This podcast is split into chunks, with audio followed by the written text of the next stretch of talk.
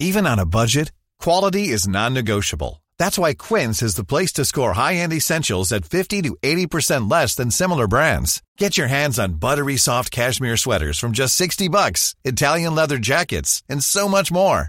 And the best part about Quince, they exclusively partner with factories committed to safe, ethical, and responsible manufacturing. Elevate your style without the elevated price tag with Quince. Go to quince.com slash upgrade for free shipping and 365-day returns. Wow. Nice. Yeah. What you're hearing are the sounds of people everywhere putting on Bombas socks, underwear, and t-shirts made from absurdly soft materials that feel like plush clouds. Yeah, that plush. And the best part? For every item you purchase, Bombas donates another to someone facing homelessness. Bombas. Big comfort for everyone. Go to bombas.com slash ACAST and use code ACAST for 20% off your first purchase. That's bombas.com slash ACAST. Code ACAST. Hallå! Simon Gärdenfors heter jag och snart börjar min podcast Arkivsamtal. Kul grej som händer. Specialisterna åker på turné. I vår. Det är jag, Anton Magnusson och Albin Olsson som kommer till Helsingborg, Göteborg, Stockholm, Karlstad och Örebro. Biljetterna tar alltid slut snabbt och folk brukar bli lite ledsna när de inte hunnit köpa i tid. Så passa på att köpa nu så snabbt som möjligt på underproduktion.se biljetter. Jag har en massa andra gig också. De hittar ni som vanligt på gardenfors.blogspot.com.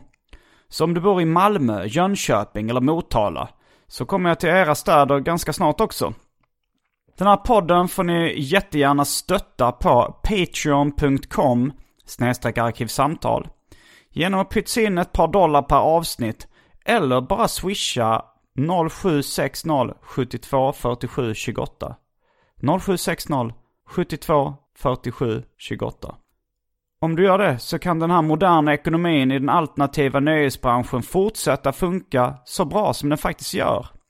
Men om du är luspank så kan du väl åtminstone följa mig på Instagram. Det är väl det minsta man kan begära. Där heter jag atgardenfors. Men nu kommer Arkivsamtal som klipps av min redaktör Marcus Blomgren.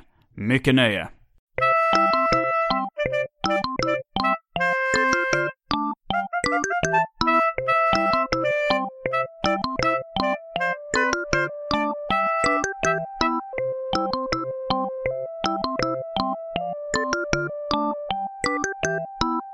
Hej och välkomna till Arkivsamtal. Jag heter Simon Gärdenfors och mitt emot mig sitter Martin Sonneby. Hej Simon, välkommen hem. Tack så mycket. Vi är i mitt hem nu. Martin Sonneby är komiker och podcastare och en eh, återkommande gäst i Arkivsamtal med något en slow count kanske. Du har varit med väldigt länge. Ja, det kanske var med första året va? Mm, det tror jag. Det Och sen mer. eh, med, med några, något års mellanrum. Det finns foton på dig där du ser betydligt yngre ut. Där du Åh. sitter i samma... Åh, Det nej. fenomenet att man åldras. Ja, Är det det du suckar över? Ja, men det, det känns inte som det var skitlänge sedan, men att man ser äldre ut nu än vad man gjorde då. Ja, fast alltså tio år, det, det kan jag ju fatta. Ja men det här var ju ändå, 2012 var mitt första år. Okej, det var sju år sedan. Uh, Sju svåra år. Jag skulle säga välkommen hem, så menar jag inte välkommen hem till dig. nej nej. Jag menar jag- välkommen hem till Sverige. Ja, ja För tack du så är mycket. ju, eh, till skillnad från vad många andra säger, så tycker jag du är svensk som alla andra. Mm. Välkommen hem. Ja. Mm. Jag, ehm, ja, men jag, du, du kastar lite blickar på min uh, resväska. Den, är den fortfarande packad? Den är fortfarande packad. Jag, har inte, Är, är du så eh, fräsch ny hemkommen? Alltså? jag kom hem igår kväll. Oh jävlar! Och sen så har jag sovit uh, rätt stor del av den tiden mellan att jag kom hem fram tills nu. Wow! Eh, så jag har inte hunnit packa upp ännu. Nej, det är helt förståeligt. Ja. Jag har haft resväskor upp, eller liksom icke upppackade i veckor Oj, efter, efter hemkomst. Ja, jag brukar vara rätt snabb på det, men eh, det, är inte det, det är inte högsta prio just nu. Men det, det är faktiskt eh, lite det vi ska snacka om idag. Har, det är ju eh, temaperiod för Arkivsamtal eh, på obestämd framtid. Och jag tänkte att idag ska vi prata om resor. Åh! Och det kommer ju vara rätt mycket Eh, vad, vad har du gjort på din senaste resa Simon? Men jag vet att du har också rest ganska mycket i ditt liv och på sista tiden? Frågetecken. Jag vet inte, jag gör väl en eller två om året sådär. Är det så få? För du känns ändå som en av dem jag känner som, som reser mest. Va? Äh, det så? Men, Ja, det- men- du och ditt gäng reser ju hela tiden, men det känns mer som så här... Eh, tredjedel semester, tredjedel jobb, tredjedel inspiration. Ja, så är det ju rätt mycket. Eh, men jag gör ju bara sådana, nu måste jag iväg och bara eh, slappna av. Mm. Ja, det är riktigt som gubbresa, alltså resort eller du vet låna en lägenhet någonstans och bara ta det lugnt. Ja, du har ju en viss, en speciell inställning till resor som du har pratat om innan. Men innan vi kastar oss in på detta spännande ämne så ska vi kasta oss in på det omåttligt populära inslaget Välj drycken.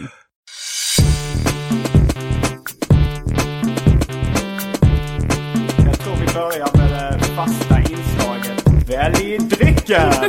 jag, jag kände att min kyl var lite urplockad eftersom jag varit eh, borta i 27 dagar. Förståeligt. Men det fanns faktiskt 14 olika alternativ trots detta. Helvete. Eh, och jag, för, för att kompensera för det och för att liksom parera min jetlag lite så finns det för ovanlighetens skull kaffe. Pulverkaffe.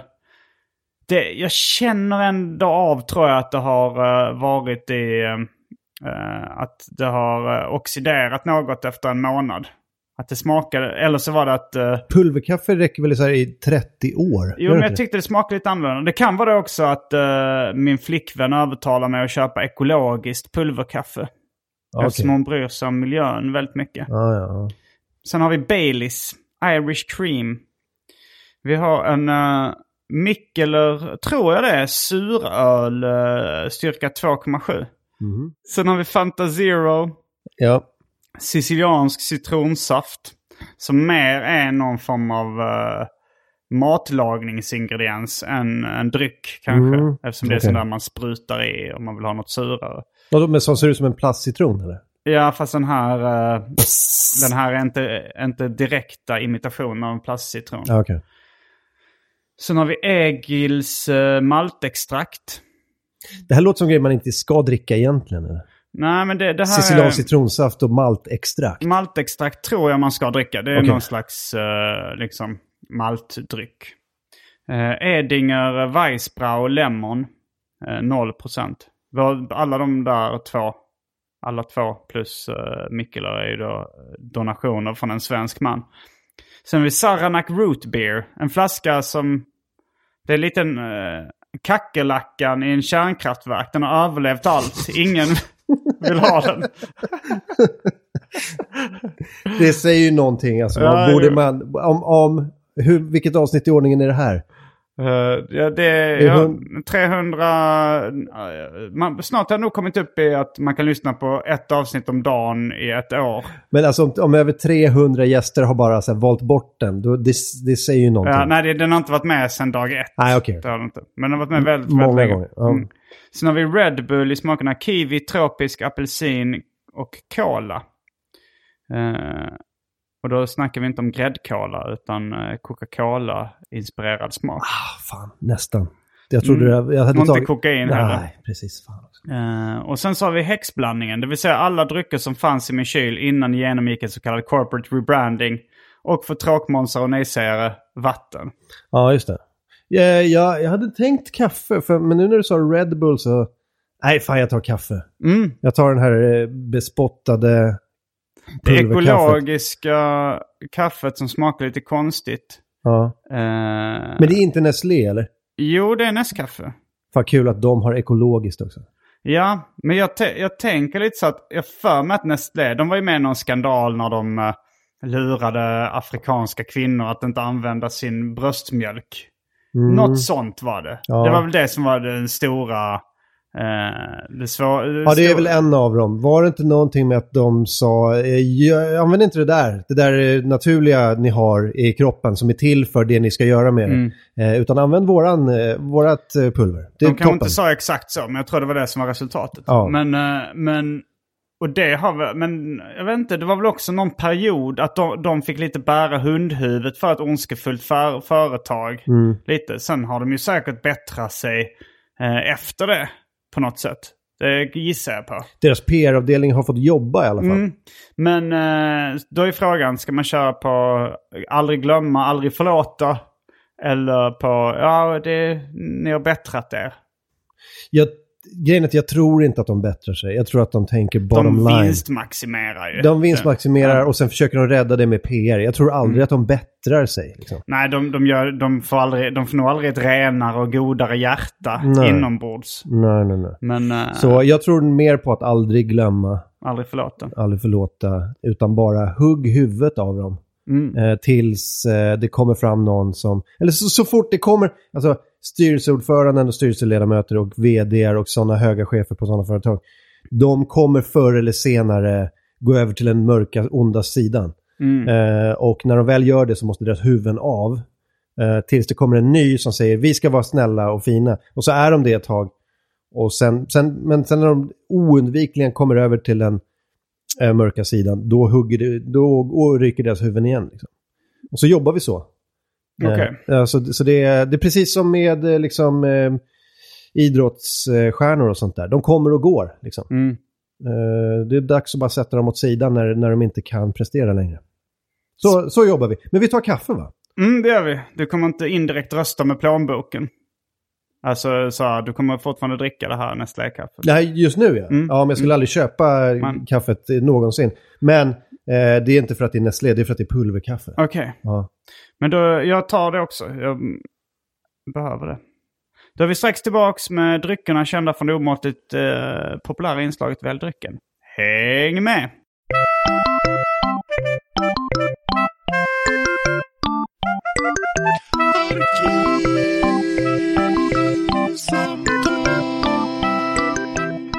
Då är vi tillbaks med pulverkaffet. Eh, för du ger ditt utlåtande av smaken. Nej, men det är ganska bra. Det är ganska så här, det börjar med en kraftig eh, kaffesmak och sen en fin eftersmak av eh, folkmord och förtryck. Mm. Mm, det gillar jag. Dock ekologiskt. Ekologiskt folkmord. och förtryck. Fan, det- det, har, det, har det skett någon gång i, i? Det måste det ha skett. Alltså, Ett de, ekologiskt folkmord. då, vad är de mest ekologiska folkmorden? Då får vi, inte, då får vi tänka bort liksom kulor och sånt där. Eh, Ja, ja, det måste, men det måste, alltså förr i tiden måste ju alla folkmord varit ekologiska. Ja, jag tänker postindustrialistiska folkmord. Eh, Ja. Eller, eller indus, industrialistiska. Liksom. Ja, men hur var det med hotsier och tutsier? Ja, men det var mycket machete. Alltså, det är väl Ja. det mest ekologiska man kan komma Ja. när det kommer till folkmord. Att bara hugga ihjäl fem miljoner människor. Var det så många som dog eh, i det här kriget? Ja, men jag, jag, den siffran kom upp i mitt huvud. Vi får, jag, don't quote me on that. Nej, detta är inte P3 Historia. Det är sannerligen inte.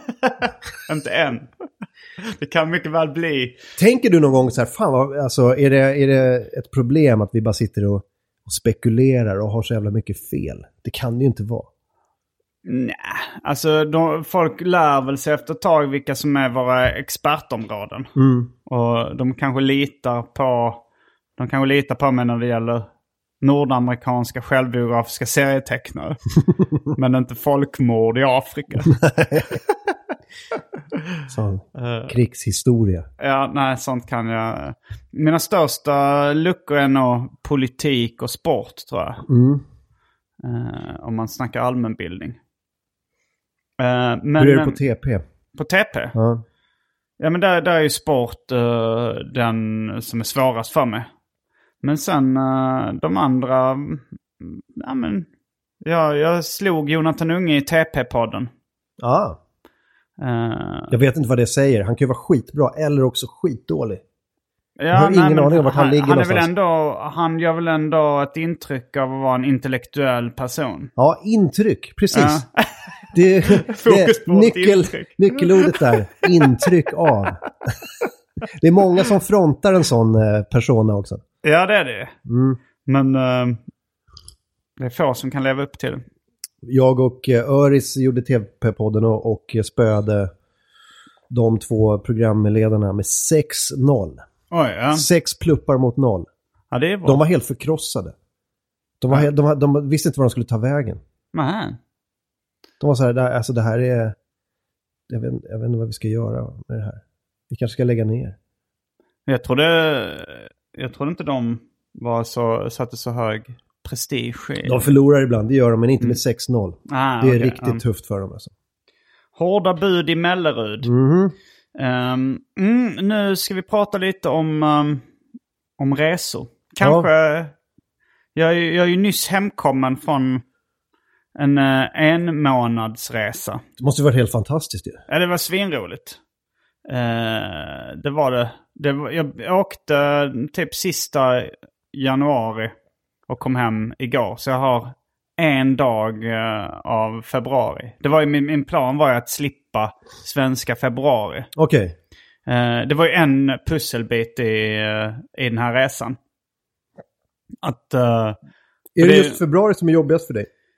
det är den kallaste månaden. Jaha, okej. Eh, och, och sen så... Ja, nej men det, det, är nog, det är nog jobbigast. Alltså januari, februari. Men har man en resa i februari inbokad, då kan jag stå ut med januari också. Ja.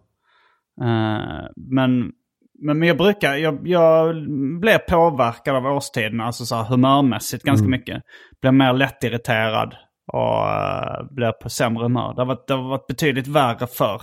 Ja, för du har gjort det ett, ett tag va? Så jag antar att så länge du har kunnat, har haft länge- möjligheten. Har så länge jag haft tid och pengar Ja. och, eh, och sådär. Så då, då drar du över, ganska länge över de kalla månaderna. Ja, det har jag gjort ganska mycket. Alltså med, mer eller mindre länge. Det, det, som håller en tillbaka är väl ofta jobb, pengar, förhållande. Mm. Eh, ja, sen kan jag inte komma på fler grejer. Som ja, barn då om man, om man har det. Ja, djur. Hund har ju du. Ja. Ja. Eh, nej men absolut. Nej det är väl, eh, det är ju, eh, det är väl eh, pengar och, pengar och tid Ja. oftast. Jo, men sen så blev det ju lite jobb också. Nu, nu gjorde jag, filmade alla scener utom två till eh, Mina problem avsnitt tre. Ja, gick det? Gick Ja. det, funkade det? Ja, det gick, eh, det kommer nog bli skitbra. Ja. Alltså jag har inte, jag har inte kontrollerat allt materialet ännu. Så jag har ju lite en, um, har ju lite en eh, oro över att man ska sitta där. Fan, vi glömde den och den scenen. Eller så här, det här eh, var oskarpt. Eller Ja. här låter ljudet helt åt helvete. Men du gjorde inte sådana, vad heter det, vad är det man säger? Dailies. Ja, precis, i filmbranschen. Nej, jag gjorde inte det. Gjorde Det- lite det- dailies bara för att kolla. Nej, ibland gjorde jag det. Alltså så här eh, med ljudet liksom. Så att jag lyssnade igenom. Och, och, och det hände ju att jag upptäckte att oj, vi, den, här, den här scenen saknades och sådär. Sen kanske den, sen hittade jag den på något annat ställe och sådär. Men, eh, och vi fick, vi fick åka tillbaks till en standupklubb och, och filma om en scen som jag hade glömt. Eh, Men så- glömt en scen. Det, är- alltså jag kan fatta om det Nej, blir tekniska problem, men har, alltså, har har helt glömt den. Ja, det var en scen som var så här, eh, man skulle ta... Eh, vi, vi var på en standupklubb där vi skulle köra eh, och spela in, eh, och spela in liksom scener till avsnittet. Och där så... Och där så, första gången vi var där så träffade jag en snubbe som uh, kallade sig själv för Prime Minister God's Gangster. Okej, Eh, okej. en svart Och Han ville sälja en bil till dig. Ah, han, han, han hade ju stand-up-ambitioner. Okej. Eh, jag tror det var... Jag tror det kan ha varit hans debutgig den kvällen. Men han hade liksom gått in extremt mycket för image. Mhm. Han hade blinkande dojor, solbrillor, någon slags uh, prästkrage, kors, bakvänd keps, eh, vita handskar. Får jag, alltså, får jag vara ful nog att gissa etniciteten på Ja, visst. Eh, jag säger svart. ja, det var han. Ja, bra. Eh, jag har lagt upp eh, en liten filmsnutt eh, med honom på, på min Instagram. Om ni vill se en, en rekonstruktion om hur vi träffades första gången. När jag gick in på toaletten och han satt och höll på att byta om. Men jag spelar också in... det finns ett specialisterna podcast där, där jag, Jofi och Petrina pratar väldigt, väldigt länge om Prime Minister God's Gangster. För jag blev mer eller mindre kompis med honom och, och, eh, började hänga lite med honom i LA också. Eh, och skrev in honom i någon scen i manuset Okej. eh, till avsnitt tre. Eh, men sen var det väl så att vi glömde att ta reaktionsbilder på mig inne på toaletten. Alltså Ah. filmade ur mitt Ah, ja. perspektiv. Men då tänkte vi, då kan man åka tillbaka till samma klubb och filma mitt ansikte. Ja, men okej, men då var det bara en liten... Det var inte en hel scen jag hade missat. Det var en liten detalj. ja, det var det. Ja, men det, det är förståeligt. Så det var... Eh, de första tredjedelen av resan var ganska mycket eh, förbereda och filma sitcom-avsnitt. Mm. Plus då att vi gick extremt mycket på stand-up. Ja. Uh, Jofi, Johannes Finnlaugsson. eh, en, jag, jag åkte först dit med Johannes Finnlaugsson och Petrina Solange. Och uh, framförallt Jofi var väldigt inne på att se uh, stand-up av en viss sort. Alltså så från halvstora, uh, bra, creddiga komiker på liksom mindre klubbar. Så vi, nästan varje kväll så gick vi på, på den typen av stand-up. Var det någon typ av motstånd kring det? Var det någon av er som inte ville lika mycket som Jofi? Det var ingen av oss som ville lika mycket som Jofi. men... men- alla ville. Okej. Eh, Men han var, han var mest den som, som eh, eh, klappade händerna lite innan ni skulle iväg och bara att det här ska bli så jävla bra. Ja, det var ju han som kollade upp, Ja, just det. han kollade upp vilka ställen som var bäst. Uh, framförallt då. Mm. Och, eh, och satt och, och planerade. Han var ju nästan som en, en eh, resledare. Mm. Liksom på det sättet att han liksom hittade de bästa ställena. Kvällens schema hörni, Mm. lyder som följande. Vi inleder på Largos eh, klockan åtta med följande komiker. Eh, Sen tar vi oss vidare mot The Comedy Store. Där vi ser några av de här. ja, men lite så. Därefter sena showen på The Ice House. Har du varit i LA också? Aldrig, men jag, jag har hört namnet på de här ställena. Mm. Ja, det, var- det var lite mindre ställen eh, vi var på för det mesta. De kan Alltså, inte jag. Nej. Det var, det var sådana här... En standupklubb uh, i en barberarsalong. En standupklubb på en pizzeria Mm. Just som det. ändå var liksom hippa komiker som Mm. körde där. En standupklubb på ett uh, urinstinkande klubbhus för uh, collegestudenter. Just det. Och, eh, Ja, jag såg någon, eh, någon Instagram, var det Petrina kanske som la upp från någon typ av tacobar eller någonting. Eh, ja, det kanske det var. Jag vet inte om... Patton Oswalt såg ni. Ja just det, det, det då var faktiskt var eh, en klubb jag, varit, jag var på förra året. Förra året var jag med Johannes Bränning och Johannes Finnlaugsson i LA. Mm. Också i februari vill jag minnas. Januari, februari någon gång då. Eh, men det var på en klubb som hette Frogtown Comedy. Som var liksom lite nästan parodiskt uh, hipsteraktigt. Det var typ en cykelverkstad. Ja, där de det. även hade liksom tacotruck och, Ja. och, eh, och sådär. Kan vi ta alla hipstergrejer Och trycka in i och bara trycka in?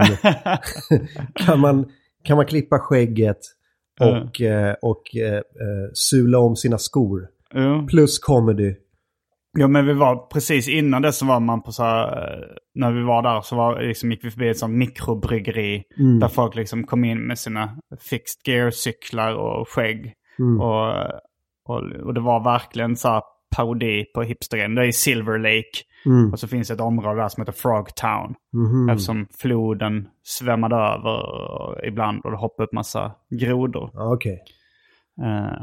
Men, men det är ett sånt område som kanske var lite farligt innan men som har gentrifierats och Just det. blivit väldigt hippt. Gentrification! Jag började lyssna lite på en podd om gentrifiering som hette Here Goes the Neighborhood. det, det var inte så spännande. Alltså, så, jag, det var, då, jag hade bott i, jag hade hyrt en Airbnb med, med komikerkompisar då i Bed-Stuy Ja. i, eh, i New York som då är det området där eh, filmen eh, Do the Right Thing av Spike Lee utspelar sig. Och det har ju då gentrifierats ganska mycket. Det, det är fortfarande lite eh, detaljer kvar från Do the Right Thing-eran. Men, men det utspelar sig där. Men jag började lyssna på podden. Ah, jag kan inte rekommendera den. Det här är ett totalt onödigt segment. Norra Europas kanske onödigaste instick. Ja, Eh, En, en ointressant podd. ja, det är inget, vad, vad heter det? Om det fastighet, om stadsplanering. Eh, det, jag, jag tar upp ett inslag om, eh, eh, om fastighetsplanering. som jag inte ens rekommenderar. Ja. Det, det är inget bra innehåll som moderna människor skulle kalla det. Nej, men, men vad, var det, vad var nytt i, den här gången då i LA som du, som du inte hade sett förut? Ja, alltså det var ju, det var ju många standupklubbar. Det var ju jävligt roligt också att uh, Jofi och Petrina fick eh, en spot på, eh, på Comedy Store. Ja. På Roast Battle. Vi, vi såg den, vi, vi kunde lira upp den i AMK morgon lite grann. Ja, Jag såg hela eh, dagen innan och sen lirade vi upp lite grann i, ja, nej, det i var programmet. Ju, Det var svinbra. ja, Var du där då? jag var där och kollade. Ja. Men jag, jag var inte där, jag var inte med på alla. Jo, för Petrina var lite mer på, eh, på olika stand-up-evenemang. Eh, min flickvän kom eh, typ efter halva resan. Mm. Och då då ville var- du visa dina favorit kimchi-ställen. Ja, Jag vet fan om jag åt bara kimchi. Det var kanske, det kanske var inslag i någon, eh, i någon Tänk annan rätt. bara äta kimchi i 27 dagar. Nej men hon var med extremt mycket på stand-up också. Det var, det var ju liksom typ eh, kanske fyra kvällar av fem som var vi på stand-up. Eh, och hon var där i 14 dagar. Men sen åkte vi till eh, eh, Las Vegas. Eller vi gjorde en sån roadtrip. Jag och Andrea då, min flickvän. Hon har körkort. Det har inte jag. Men det kan vi, det kan vi komma tillbaka till sen. Men vad var det? Roast Battlen var vi på. Ja. Jo men det var så att Jofi och Petrina, vi hade varit och kollat på Roast Battle. eh, och suttit längst fram. Eh, och Jofi hade varit ganska witty. Alltså så här när, när de pratade med honom i publiken. Ah. Så att det var så här the Swedes, liksom Ja. svenskarna som satt längst fram. Och sen så träffade Jofi och Petrina eh, Konfan, då Brian Moses tror jag han heter. På någon annan liten standupklubb och började snacka med honom. Och, och de frågade så här, ja, mm, tror du man skulle kunna bli bokad någon gång? Så, hur länge stannar ni? Ja. Eh, ja, två veckor till. Ja, men vad sägs om på tisdag? Så blev de bokade bara så här utan att han hade ju ingen koll på dem förutom kanske ha hört Jofi eh, komma med några snabba comebacks Och det, det behöver inte betyda någonting. Det Nej. kan ju vara en total bomb liksom. Eh, Att det är någon som aldrig har varit i närheten av att göra comedy. Och så visar det sig att det var två av Sveriges bästa skämtskrivare som dyker upp. Ja, jo, det var ju så. För de placerade dem först av på hela kvällen. Liksom. Mm. Så de fick öppna roast battle-kvällen och, och roastade varandra. Och, eh, men sen så blev, sen var det ju kvällens bästa roast battle.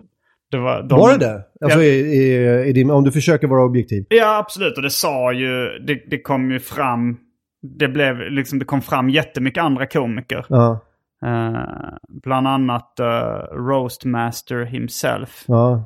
Jeff Ross. Ja, Och sa det, alla sa det här var kvällens bästa battle. ja. Det var det objektivt sett liksom. Det var ju... Det var, ja, det, det var inte de största stjärnorna som roast-battlade. Nej, nej. Eh, det, var, det var en del bra roast battles, men det var, det, det, var, det var kvällens bästa. Så det var ju skitkul att de... Jag, Jag, gillade när ju, eh, ordet gick över till den andra komikern och Petrina sa “Thank you online child molester”. och när, eh, när de skulle avgöra vinnaren och en av dem sa så här uh, I really like Johannes but I gotta give the victory to uh, Never Run DMC. Syftade på hennes Adidas-jacka. Ja, och att Petrina ser ut som hon aldrig har sprungit. Ja, Ehm, och då den gamla rapgruppen Run DMC, för Mm. er som är födda efter 1990. sant. Nej, det, var, det, var, det var svinbra. Jag blev li- lite stolt faktiskt. Ja, det var skitkul. Men men det gav, gav också lite så här, alltså... Jag tänker att, uh, ja men kanske... Alltså när, när vi körde på, vi körde på någon liten klubb på Lexington också. Då var det jag och Jofi bara som uppträdde.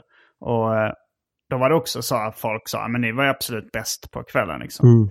Eh, om, om man skulle vara kvar där och bara mata liksom och ställa upp i roast battle lite då och då. Mm. Så eh, ja, men det, det känns som nästan lika... Alltså att nå en, eh, en viss nivå i LA känns som nästan lika lätt som att nå samma nivå i Sverige. Mm. Sen kanske liksom när man ska upp i toppskiktet, och då är det ju mycket högre konkurrens i USA. Alltså när man ska vara sådär en av de eh, men, en av de största komikerna kanske. Mm. Det, är, ju- det är ju svårt att bli det i Sverige också. Ja, Jag, jag tycker det är svårt att hamna på mellannivå bland de alternativa komikerna i Sverige. Ja, men- Eh, det, ja, jag har visst. kämpat länge för att men nå man, dit. men det- man måste ju jobba liksom. Ja, jo, men, man måste ju det. Så det, det är svårt. Men, Ja. men det kändes som att hamna på mellannivå bland de alternativa komikerna i LA verkar inte mycket svårare än att hamna på mellannivå bland de alternativa komikerna i Sverige. Nej. Nej, jag kan inte tänka mig det heller. Men framförallt eh, handlar det om att ska man komma upp där när det handlar om att, eh, att få liksom, betalda klubbgig Mm. och, och göra, liksom, kunna leva, leva på det. Det är väl där, alltså jag tror inte att det är någon, någon konkurrens om man är där och liksom gör lite eh, open mics och lite sådana klubbar. Men ska du verkligen så här, eh, förtjäna ditt le- levebröd, då, då måste du nog dels jobba svin mycket och dels vara liksom riktigt bra. Ja, Det tror jag. Och sen, sen är, jag antar att det är mer så i USA. Jag, det här är bara min fördom, men jag tror att det handlar mer om mycket om, så här, om kontakter och nätverkande och träffa rätt folk. mm. Eh, eh, men Så det, är det jag kan ha fel i också. Sverige också. egentligen. Ja, det är möjligt. Jo, Men så man är kanske det inte väl. ser det, alltså så här, man, man, det går ju, när man är väl inne i det så, det här liksom, att vi känner varandra nu det är att vi har gästat varandras poddar och sånt. Och det är ju någon form av nätverkande och man, Mm. Jo. träffar på klubb, man träffas på klubbar och sånt Ja. Jag tror nog, Ja, alltså, men jag tänker mer om man ska upp i så här, du vet, göra så här Comedy Central-grejer. Eller, Mm. eller gör, du vet, komma in på olika den, större plattformar och sånt där. Men det är klart det handlar om nätverkande i Sverige också. Jo, det gör det. Visst det gör. Men, Men det sen, känns som eh, en sån liten klick i Stockholm liksom. ja, men eh, jag vet inte, jag tror Marcus Johansson eh, hade åsikten att eh, stand-up är det mest eh, det, meritokratiska branschen. Mm. Alltså den eh, där det bygger mest på meriter och kanske inte på kontakter eller... Alltså vet att man inte måste... om jag håller med. Alltså. Nej, det är, det är bara Marcus Johansson. Eh, han kanske inte... Men, men jag tyckte det lät som en, en intressant teori. Ja, Och jag fattar vad jag menar med det. är Alltså väldigt mycket så. Man ser ju folk som, eh, som är på vissa, eh, vissa alltså större scener eller större plattformar som är så här. Oj, vad jag, vad jag känner till folk som hade varit, gjort det där bättre. mm. Det handlar väldigt mycket om att lära känna rätt folk och sånt där. Vara i rätt sammanhang. Men jag tror nästan att till exempel, om man, för att alltså det är ju ändå det här hårda att du ska få folk att skratta. Mm. Som skådis till exempel så tror jag det är ännu mer så att det är rätt kontakter, rätt sammanhang. Om man jämför och- de två, absolut. Eh, Det är inget snack om det. Ja. Uh, skådis, det, det känns jävligt godtyckligt alltså. Vem som kanske, kan bli... kanske boxning är mer, mer meritokratiskt. Ja, Där är det svårt att komma undan Ja, men idrott, det är svårt att nätverka sig till en så här hög ranking på, på, på boxnings, eh, eh, i boxningsvärlden genom att nätverka. Ja, men samtidigt så är ju liksom... Men även där är det ju liksom, fan det är, ju- det är, så här, det är inte alla som, det är inte nödvändigtvis att du får en titelfight bara för att du är rankad precis under mästaren. Man, Det kan vara, du kan vara så här sjua eller någonting. Mm. Få chansen till en titelfight. Eh, framför några andra som uppfattas eh, vara bättre. Liksom. Så, ja, där har jag en lucka i allmänbildning. så det, är lite, det är lite nätverkande och lite tur och lite branding och sånt där också. Ja, det kanske det är. Eh, men eh, jag fattar vad du menar. Idrott är svårare liksom att, att fubba. Det är mindre Ja. godtyckligt. Och det är det jag tycker att, att uh, stand-up på ett sätt är lite som idrott på det sättet. Att det är så lätt Mm. att avgöra vem som vinner så att Mm. säga. Eh, men, men en, inte 100% såklart. Nej, men det, det, alltså när ska du in på vissa, ska du få vissa jobb så handlar det inte bara om så här antal skratt per minut, det är inte så man räknar.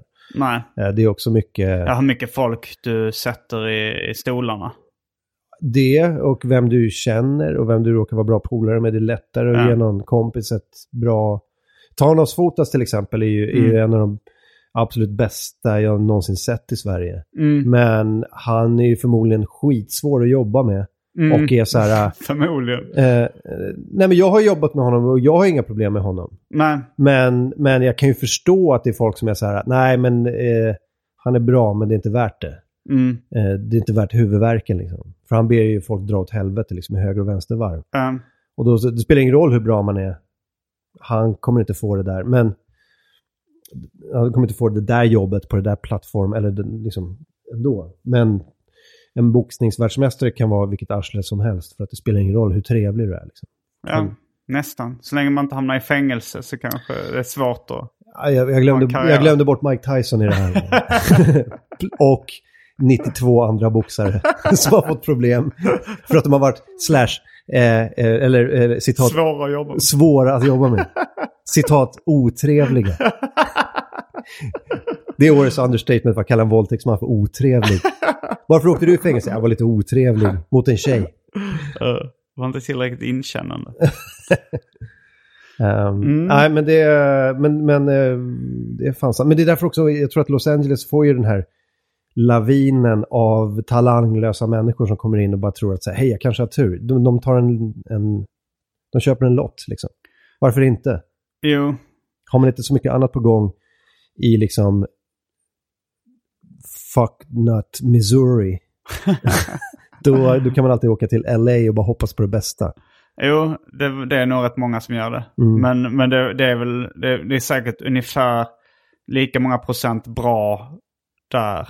Så, nej, det kanske är lite färre, lite mindre procent Det tror jag också. som är bra där.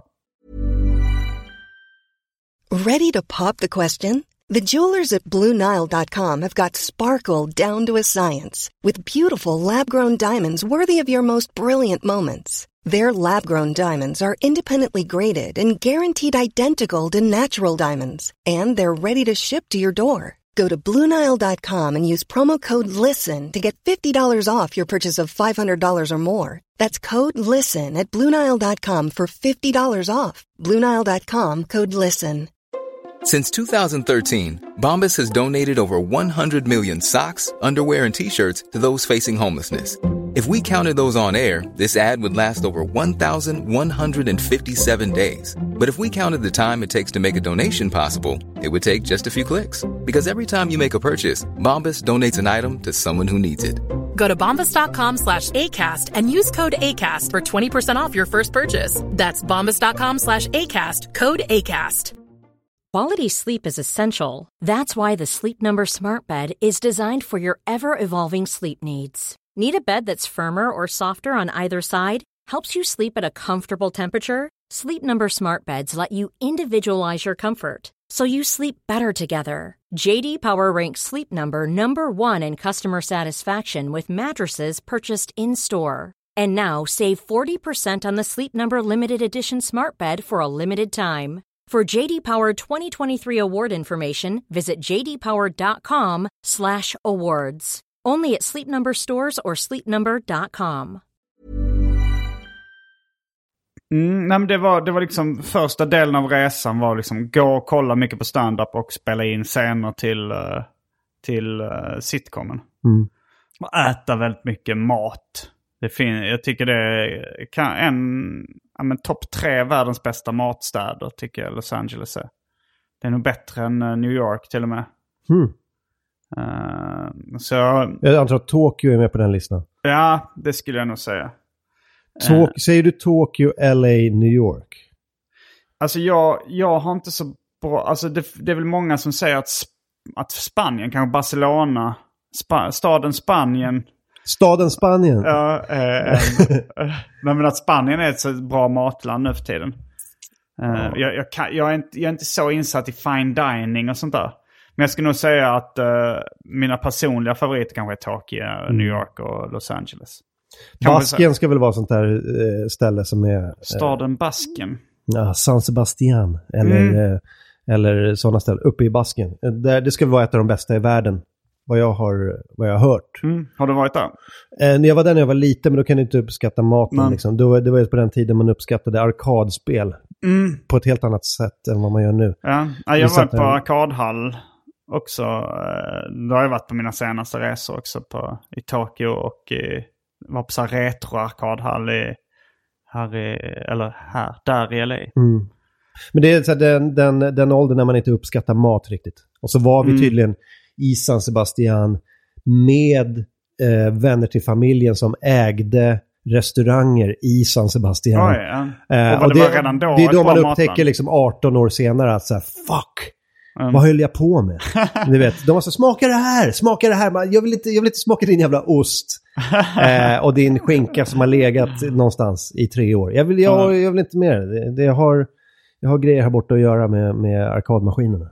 Mm. Så det var, men det var kul att åka tillbaka. Men eh, jag vet inte, jag varit i Barcelona, det var inte, det var inte översvallande bra mat. Jo, det var ju bra mat, men det var så här, det är det som man, det som man väntar sig. Men jag gillar din take på det. det är så, street food och sånt där är ju, är ju riktigt nice. Ja, eh, jag kan rekommendera en film som heter City of Gold. Som handlar om eh, alltså lite mer uh, hål i väggen-ställen. Alltså det är ingen fine dining utan det är lite mer så här. eh, här har vi ett uh, litet thai-ställe på någon bakgata i Los Angeles. Alltså det handlar om bara LA. Och då en uh, matrecensent som heter Gold i efternamn.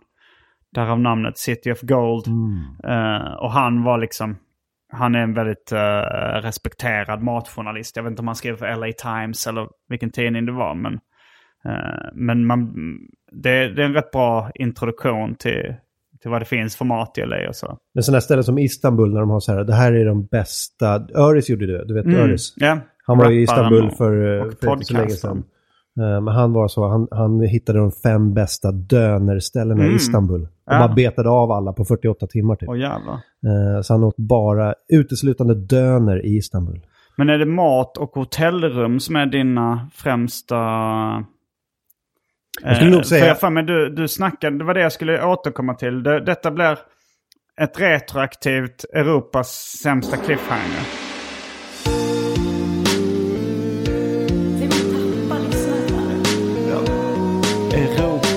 Europas sämsta cliffhanger. För jag sa, eh, jag vet, jag antydde någonting. Ja, du har ju en viss eh, inställning när du reser. Och Ja, det, just det. och det jag syftar på då var att du har sagt att du bryr dig nästan mer om hotellet än om resmålet i övrigt. Ja, men det, det kan det vara om, alltså, ska man vara borta? Det beror på lite vad det är man vill ha ut av det. Men den senaste tiden har jag bara velat så här, dra iväg för att slappna av. Läka kroppen, vila och ta det lugnt. Och då har det varit mycket så att man vill ha ett schysst hotell. Ja. Eh, alltså prion, eller schysst hotellrum och schysst hotell har liksom krypit långsamt upp mot den absoluta toppen av min priolista. Mm. Eh, så, eh, så ibland kan det vara så att man kollar in så här, schyssta hotell i städer man inte kunde bry sig det minsta om. Mm. Bara för att det är ett nice hotell. Liksom. Mm. Så, ehm, så, så kan det definitivt vara. Och sen har jag liksom varit, varit kvar i Stockholm bara. Ja, just det där staycation-grejen. Eller Ja. kallas det staycation när man ändå bor på hotell i samma stad?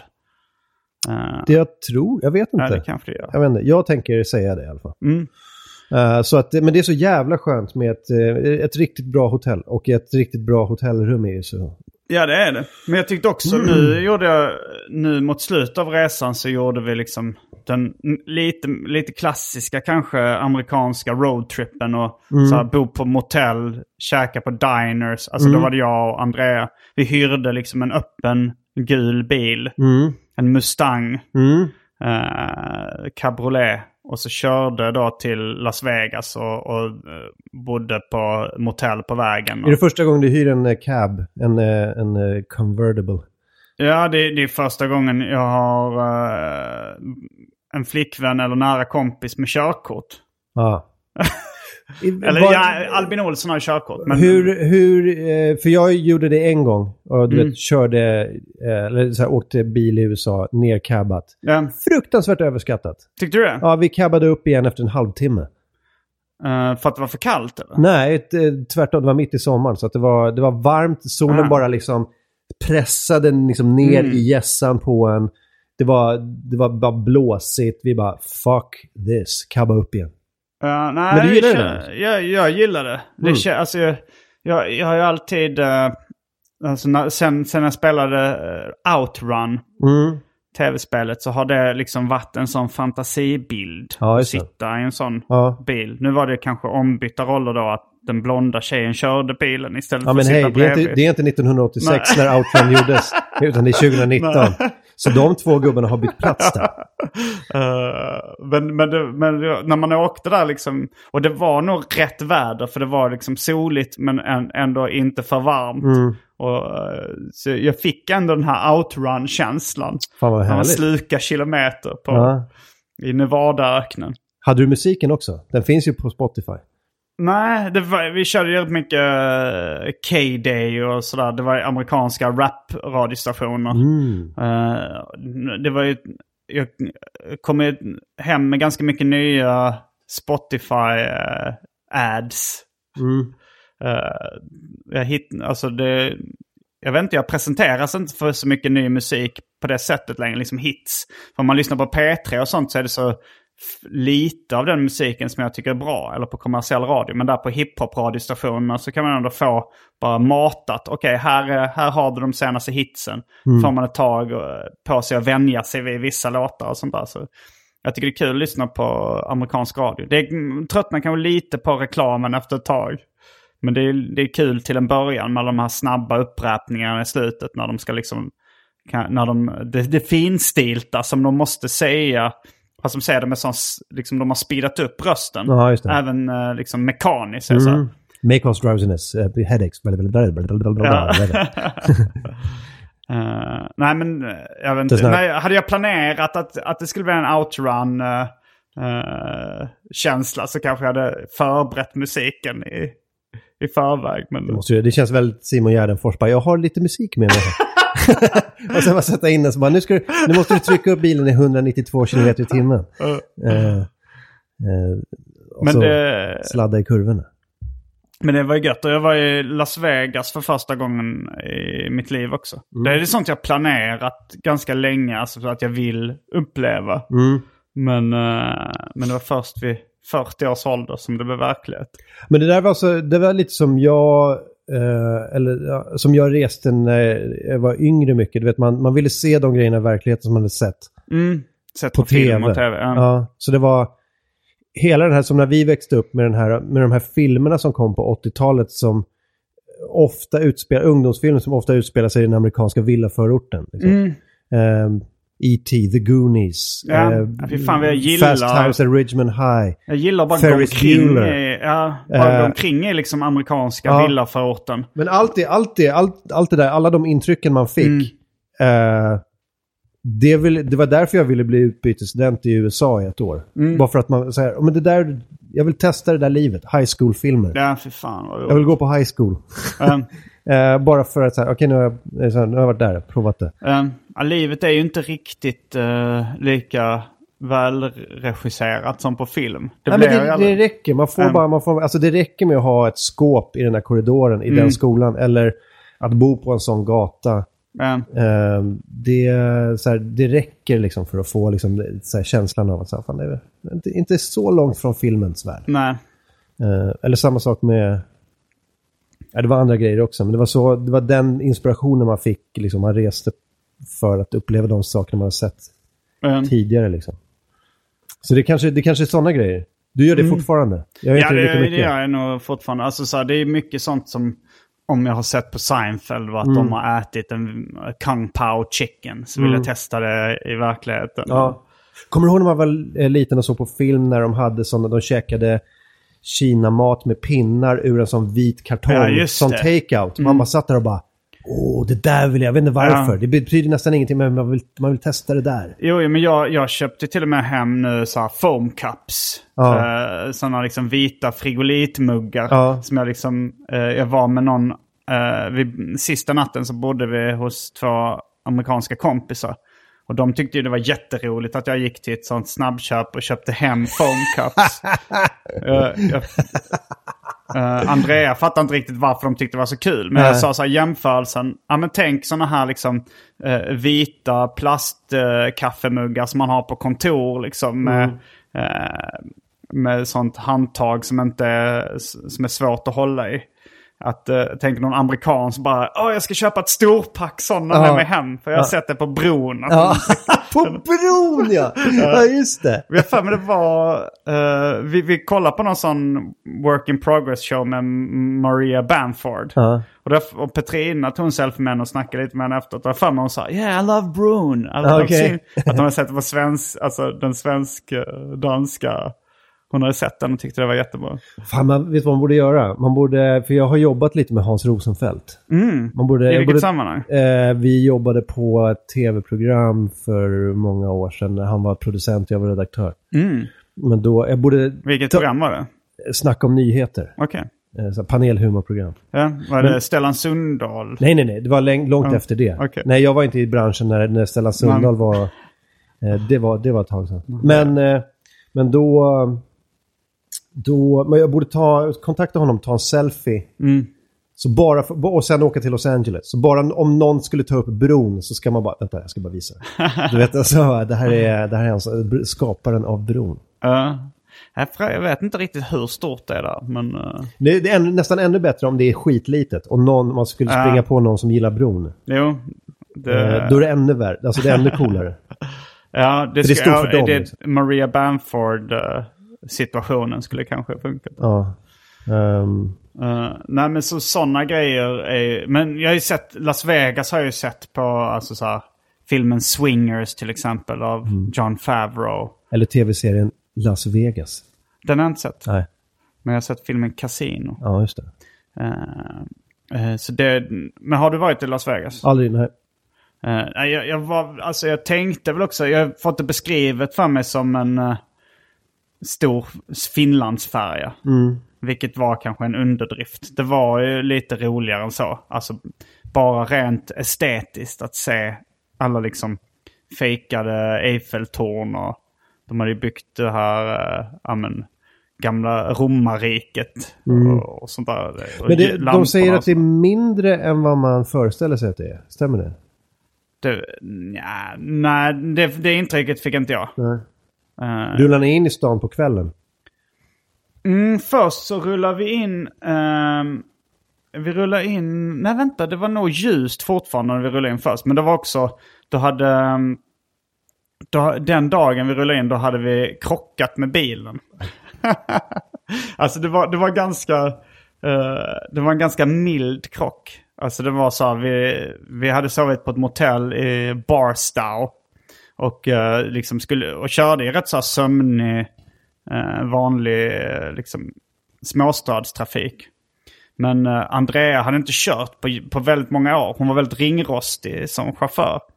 Så hon blandade ihop gaspedalen med bromsen vid ett tillfälle. Oh nej.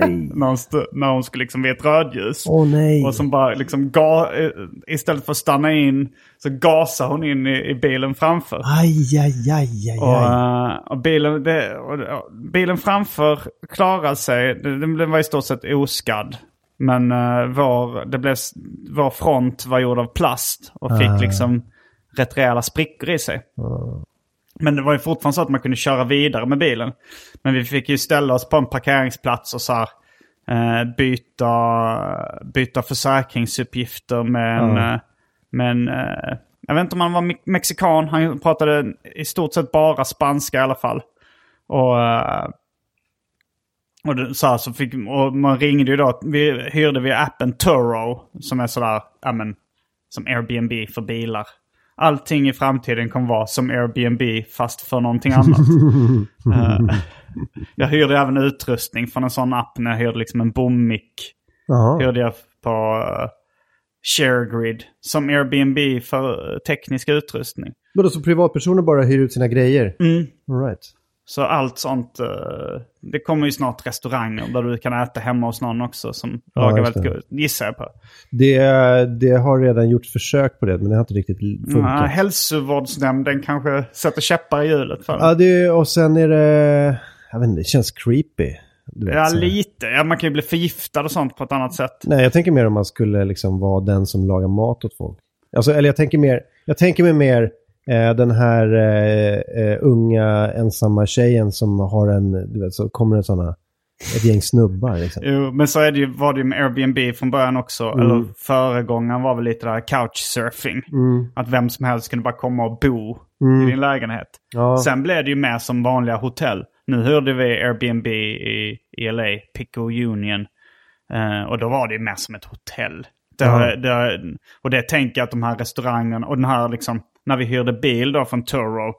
Så åkte vi och hämtade bil, då sa mig, då var det ju som en lite, lite mer eh, amatörmässig biluthyrningsfirma. Ja. Han hade väl 40 bilar han hyrde ut liksom. Och, Ja men det är som Blocket när sådana bara så här, man ska leta efter någonting på Blocket så bara Mm. dyker upp sådana butiker liksom. eh, Men så vad fan, det är inte där det var till för va? Eh, Men allting blev lite billigare liksom. Mm. Eh, men, men vi hyrde bilen via, via Turo och då ville de att man skulle ha en, en police report också. Mm. Och jag tänkte, vad fan det här eh, kommer ta tid. Mm. Men jag ringde liksom, om, vad, vad ska man ringa 911? Så vi sa, ja det ska du göra. Och de där var bara så här, ja, var befinner du dig? Ja, utanför 99 cent store i, i Barstow. Och till slut kom det liksom en polis dit och Mm. och han, han var ju trevlig, förutom att han var lite så här... Kanske inte, jag vet inte om jag ska säga rasistisk, men han var väldigt inne på att den här uh, spansktalande mannen skulle lära sig engelska. Ja. Eh, han, you're in uh, um, the United States now, you need to practice your English. För han kunde knappt kommunicera på... Han kunde väl lite spanska när polisen också. ja. Men sen så visade det sig att... Men ja, jag blir så jävla lack på sånt där alltså. Det- Vad fan, det, det, none of your fucking business. Nej, egentligen inte. Men Men- han var lite schysst ändå för den här, den här eh, spansktalande mannen. Han, hans körkort hade gått ut Ja, eh, och hans försäkring hade gått ut. ja. Och, eh, men på polisen sa jag hade tekniskt sett kunnat uh, ge dig en ticket, en bot. Ja. Men han lät honom bara gå. Ja, jag, alltså- gissade på, jag gissar på att han eventuellt han skulle kunna ha varit eh, inte amerikansk. Han skulle kunna vara, sakna green card också. Ja. Men att han, han var så här, han verkade inte vilja Nej. skicka hem honom liksom. Mm. Så länge han lärde sig engelska tyckte väl han. Det var viktigare för den här polisen. Men kom, kom det efteråt då? Efter att han hade sett att det så här, du har ingen eh, försäkring och inget, eh, ditt eh, körkort har gått ut. Kom det här lär dig engelska efteråt? Eller var det första han sa? Nej, det var inte det första han sa. Det var, någon, det var någonstans i mitten och sen så upptäckte han att han inte hade... Att Ja, han sa den här, det här körkortet har Ja. gått ut och... eh, För det, det är ju polisiära, eh, liksom, eh, det ingår i hans jobb. Mm. Att göra sådana grejer. Okej, du har, ditt körkort har gått ut och din försäkring har gått ut. Det här ingår i mitt jobb att deala med det här. Men det Men du han vet om någon är så här, äh, du måste, du måste skärpa dig. Va, Det, det, inte, det ingår inte i ditt jobb att så här, uppfostra mig som att du är någons, någon kompis farsa. Liksom.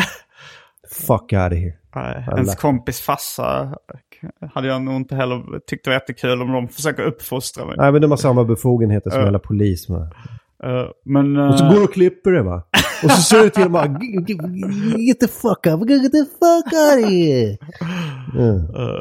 Ja, fan, Ja, vad- det- fan vad stökigt. Ja, det där vill man inte deala med på hade, semester. vi hade i alla fall kryssat i den uh, mellanförsäkringen. Inte den allra dyraste och inte den allra billigaste. Så Mm. Kommer nog komma undan med någon form av självrisk. Och bilen gick att köra i alla fall. Så Mm. att eh, stämningen var ändå god. Mm. Även om det var rätt skakigt där när man liksom körde in i, i Las Vegas. Mm. Eh, och, men sen så då så parkerade, för det var ju skitjobbigt att köra där inne i liksom Mm. i Las Vegas-trafiken också. Mm. Så vi parkerade, vi bodde på något sånt liksom, hotell som hade ett kasino eh, som hette Stratosphere som var liksom ja, men det högsta tornet nästan i, i Las Vegas. Mm. Och där liksom man, man såg, det var ju en cool utsikt över hela stan och man hade som skybar där man kunde eh, dricka drinkar. Och, eh, så, men så istället så vi hyrde liksom en, vi tog en Uber in till liksom Caesars Palace och de här liksom, The Strip. Mm. Det här låg väl ganska nära, men det var så att man kunde så vi kunde njuta av att se liksom i kvällsljus när man kör in på Las Vegas Strip. Mm. Och eh, så spelade vi lite roulette och blackjack och sånt där. Jag hade, jag hade från början på känn att eh, Andrea hade lite så här, eh, en latent speljävel i sig. Mhm. Uh, alltså jag, man kan få det här intrycket ibland. Alltså så här, när folk blir extremt peppade i liknande situationer. Ja. Så jag sa, jag sa till den så här att uh, okej, okay, men jag måste jag, jag, jag får sätta upp en gräns för dig redan nu. Att, Ja. så här, hur mycket kan du tänka dig att spela bort? Uh, och då sa hon så här, ja men, ja, men 800 kronor kanske. Uh, då sa jag okej, men då kommer jag, jag kommer att stoppa dig liksom efter, uh, efter, uh, efter det. Alltså att du inte spelar bort mer än så då. Liksom. Så jag kronor, dollar menar jag. Sa jag dollar? Euro såklart.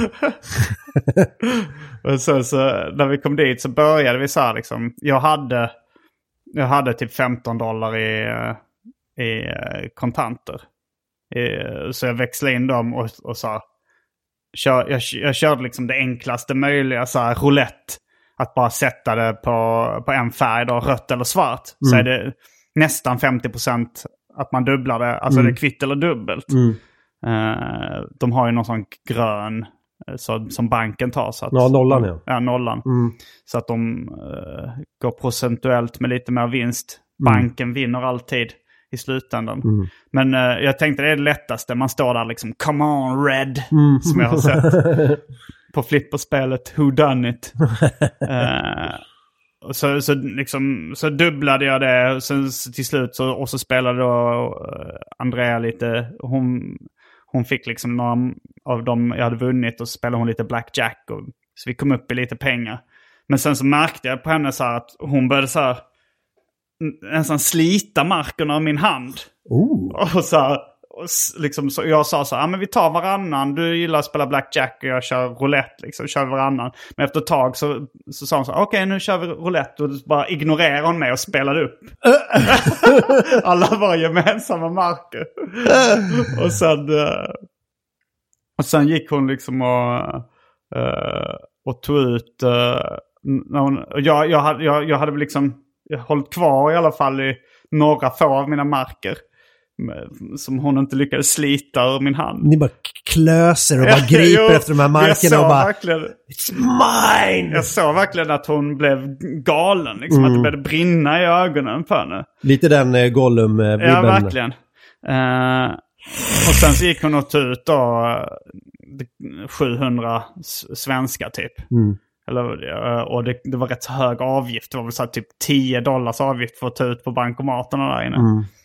Eh, och sen bara satte hon sig vid blackjack-bordet och bara uh, tills de var slut. Liksom. Ah. Bara, och, sen så, och sen så fick hon panik och, och var så här, ah, för det gick ju så otroligt snabbt då. Mm. När hon, för innan hade vi ändå haft lite så här, vi gick och tog en drink, tog en öl, Mm. skiftade lite, liksom Ja. vann någon. Men när hon, när hon liksom hade, när hon tog ut sina egna pengar så bara satt hon och var matade tills de var slut. Det där, det där är märkligt, för det där, jag tror att det där eh, stimulerar samma centra i hjärnan som vissa droger. Liksom. Jo men det har jag hört. Att Och- vinna är liksom Ja. samma som kokainkicken. Liksom, ja, man, och den går över så jävla fort så då måste Ja. du få den igen och sen Jo. igen och sen bara sitter du där. Men ehm, jag, sen har aldrig, jag har aldrig känt den. Jag har aldrig... jag har aldrig va- känt så stark kick av det heller. Men jag Nej. tror alltså hjärnorna ser olika ut. Att Absolut, vissa- det är, det är väldigt Mm. individuellt vad man liksom fastnar för. Mm. Eh, men det har ju varit, eh, du vet, man har ju tagit droger som får, liksom, som bara, du vet, det, det blir så jävla, sätter igång belöningscentra så jävla fort. Eh, och vissa har det med alkohol och vissa har det med spel. Det, det är klart, det är väldigt så här, individuellt. Men jag har, Mm. jag har aldrig känt det med alkohol. Jag bara tycker att det är ganska, jag blir mest trött liksom. Ja. Eh, jag det- tror varken du eller jag är beroende personligheter som man brukar prata om i Jag kan, jag kan definitivt vara, jag, det är inte omöjligt att jag är en beroende personlighet, men just alkohol eller spel har jag aldrig fått den, den kicken som många får av det. Liksom. Men har du fastnat, har du liksom blivit beroende av något? Har du fastnat i något? Nej, det enda jag fastnat i är, alltså jag är ju, jag är ju prone for depression. Du vet, man, soffan. Mm. Alltså bara fastna i, du vet, Men jag tror inte det är beroende person, att kicksökande. Nej, här det, är en liksom. annan, det är en annan grej. Men du, om du tänker så här, om man bara så här, har hamnat i ett beteende man inte kan ta sig ur. Ja, det, det går. Eh, så det, då är det mera sådana grejer. Att jag säger, fan jag borde verkligen dra nu. Men jag Mm. sitter kvar, jag ligger kvar i soffan och kan inte sluta liksom kolla på internetgrejer, menlösa internetskitgrejer. Mm. Eller Eller du vet, sitta och spela något spel på telefonen eller Mm. på PS4 eller något sånt där. Det är den grejen jag kan bara sitta, att vet, man inte kommer loss ur, får Ja. arslet ur soffan liksom. Men aldrig den här äh, alkohol eller spelgrejen. Nej, Det är- Synd, synd Men man fattar ju att folk liksom Ja, fastnar. Och det är det som är så jobbigt också för att det är två lagliga saker som finns Mm. överallt liksom. Och du kommer inte undan. Alltså är du spelberoende och bara slår på en tv så är det bara så här bet någonting, bet någonting. Du vet, Ja. det här, och sen på internet och så har du telefonen. Alltså det måste ju vara... Alltså säg om det var samma sak med kokain. Liksom. mm. Du, du, har, du har ett kokainproblem. Och sen kommer så fort du slår på tvn bara så här. Kokain, kokain, köp! Ta ner den här appen, hemkörning. Vi har det hos dig om inom 20 minuter. Ja, ja, det är så här, du är fucked alltså. Ja, du är varit så jävla fucked. Du kommer aldrig ur ditt kokainberoende. Det var också så att alltså, så när hon har spelat upp de här, eh, eh, men typ vad det var, nästan 700-800 spänn så sa hon så ah, men jag har, jag har ändå lite, alltså hon hade typ 500 spänn kvar på det kontot. Eh, och hon sa, "Ah, jag går ut dem, jag ska, dubb, jag ska bara sätta alla dem nu på roulette liksom, och dubbla dem. Då, då var det så, ja ah, men nu, och då var det liksom att jag, jag eh, höll, fick håll, hålla fast henne så hon gick till bankomaten. Ja. Okej, nu går vi hem här. Ja. Nu går vi, du, kan, du kan inte ta hand om det här. Ja. Nej, men det, är, kan, alltså det, är, det är som med, med kokain. Liksom. Mm. Du snortar ju tills påsen är helt slut. Det är inte så att du bara så här, ja, nu är det bra för mig här. Ja, nu som Nisse Hallberg sa, du vet om att, eh, vem var det, Persbrandt som hade tagit en halv lina. Ingen tar en halv. så, alltså, så mycket vet jag om kokain att man stannar fan inte halvvägs. Nej. Liksom. Det, Nej, jag visste det, för jag sa det att liksom, ja det, till Andreas att jag, alltså även om du skulle dubbla de där sista pengarna du hade, du hade ju spelat tills de var slut. Liksom. mm. Det, det, du hade inte nöjt dig. Och det är liksom statistiskt sett så, så blev, tar de i slut till slut. Och liksom, vi, klockan var tre på morgonen eller någonting när vi gick hem. Mm. Vi hade spelat ett tag då. Liksom. Jag hade... Jag, jag hade väl då de, de eh, 15 dollarna jag hade satt in. Till slut så var det så här, okej, nu, hade jag, nu vann jag på uh, roulette. Eh, efter hon hade spelat upp alla sina pengar så dubblade jag dem. Så jag gick 15, eh, 15 dollar plus. Jag lyckades dubbla min insats. Ja. Så jag kände, ah, men nu är jag nöjd. Nu går jag hem. Man måste nog se det som kokain, alltså det här Mm. spelet. Ja, alltså det är så här, okej jag, har, jag har tusen spänn. mm, Eh, det är antingen ett gram ladd eller Mm. så är det att spela här i 45 minuter. mm, De här två grejerna räcker ungefär lika länge. det är så. Eh, de, så vi, det är inte så att jag kommer att... Förmodligen kommer jag inte vinna ett skit på det. mm. Eh, det, det är det här det kostar. Det här nöjet. Att få de här kickarna. Ja. Eh, och vi får ha de kickarna på olika sätt. Vi var på, åkte Uber sen liksom från eh, när vi lämnade tillbaka bilen. Eh, och då var, hamnade vi med en Uber-chaffis som, det var en tjej som hade varit tillsammans med eh, Anthony Johnson, tror jag han heter. Eh, en skådis och komiker. Han har varit med i typ uh, Menace to Society och Friday-filmerna och sånt där. Jag, jag kände igen honom när jag googlade. Men hon berättade om att han var uh, spelmissbrukare. Och han kunde ju liksom tjäna, eh, han kunde tjäna ganska lätt så här, 10 000 dollar på en kväll för en show. Men att det var hon till slut liksom lämnade honom för det var för jobbigt att leva med en, en spelmissbrukare. Förmodligen gjorde han sådana shower på kasinot. Som han sen gick och lämnade tillbaka pengarna till. Men fick det. Kan jag De få det? visste, det var därför de bokade honom. Ja, kan jag få det i kontanter? Absolut. Vi, faktum är att vi föredrar att betala det i kontanter istället för att du skickar en faktura och får pengarna 30 dagar senare. Så ta, här är kontanter. Vill du ha det i marker förresten? Hej, skip the middleman. Du kan få det i marker och växla in det där borta. Eller tiodubbla dem där borta. Eh, ja, det, Nej, det, är, det är riktigt eh, snuskig bransch alltså. mm, Men eh, som sagt, vissa, vissa kan väl hantera det. Ja. Andra blir helt jävla... ja, vissa blir, blir galna. Mm. Jag nämner inga namn. Det är väl det, precis det du gör. det är väl precis det du gör. Anthony Johnson och Andrea Lennartsson. Get help. Eh, det, min eh, morfar var, gillade att gå på. Det här är bara grejer jag har hört från... eh, men han gillade att gå på kasinot.